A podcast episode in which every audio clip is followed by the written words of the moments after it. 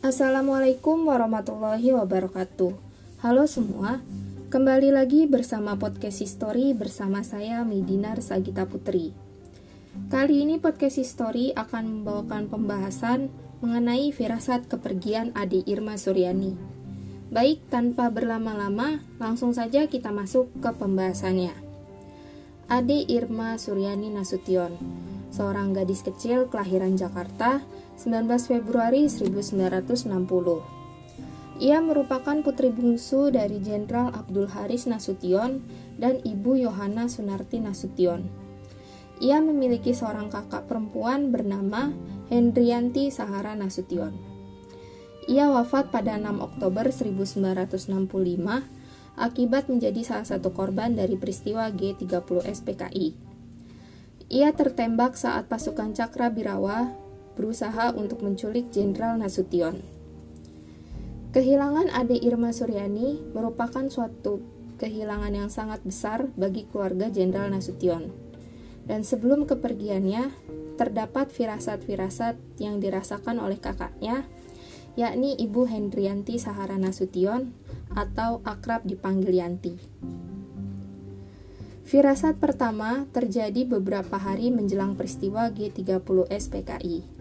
Saat itu keluarga Jenderal Nasution baru saja pulang dari Istana Cipanas. Ketika itu seorang pengawal beristirahat di belakang garasi mobil untuk merokok. Ia kemudian mengeluarkan gretan, memantiknya, dan kemudian berusaha mengarahkan lidah api yang keluar ke batang rokok yang ada di bibirnya. Namun detik itu juga, ujung api tersebut justru menyambar kabut gas bensin yang beruap ke udara dari sebuah jerigen di dekat si pengawal. Api pun mulai berkobar.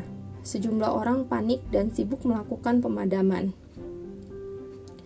Ibu Yanti sendiri ada di tengah kelompok tersebut dan ia menatap garasi yang penuh dengan asap. Namun ternyata Ibu Yanti disergap sebuah bayangan aneh. Ia melihat sosok Adi Irma Suryani berada di tengah kobaran api tersebut. Saat itu beliau merasa ketakutan dan merasa bahwa beliau akan kehilangan adik tercintanya. Ia bergegas untuk mencari adiknya dan hati beliau baru merasa lega saat beliau mengetahui bahwa adiknya masih hidup dan dalam keadaan sehat. Firasat kedua terjadi persis satu hari sebelum peristiwa G30 SPKI. Saat itu Ibu Yanti mendapatkan undangan untuk menyaksikan latihan drum band yang dilakukan oleh para taruna Akademi Militer untuk menyambut hari kelahiran ABRI 5 Oktober mendatang. Para taruna tersebut mengencarkan latihan mereka. Beliau merasa antusias ketika mendapat undangan tersebut. Demikian pula adik yang mengetahui undangan tersebut. Namun, Ibu Yanti ingin datang sendiri. Beliau berkata, Adik tidak boleh pergi. Adik masih kecil. Biar kakak saja yang pergi ke sana. Mendengar perkataan kakaknya, adik kemudian menangis terseduh-seduh di atas pangkuan ibunya yang duduk di meja makan.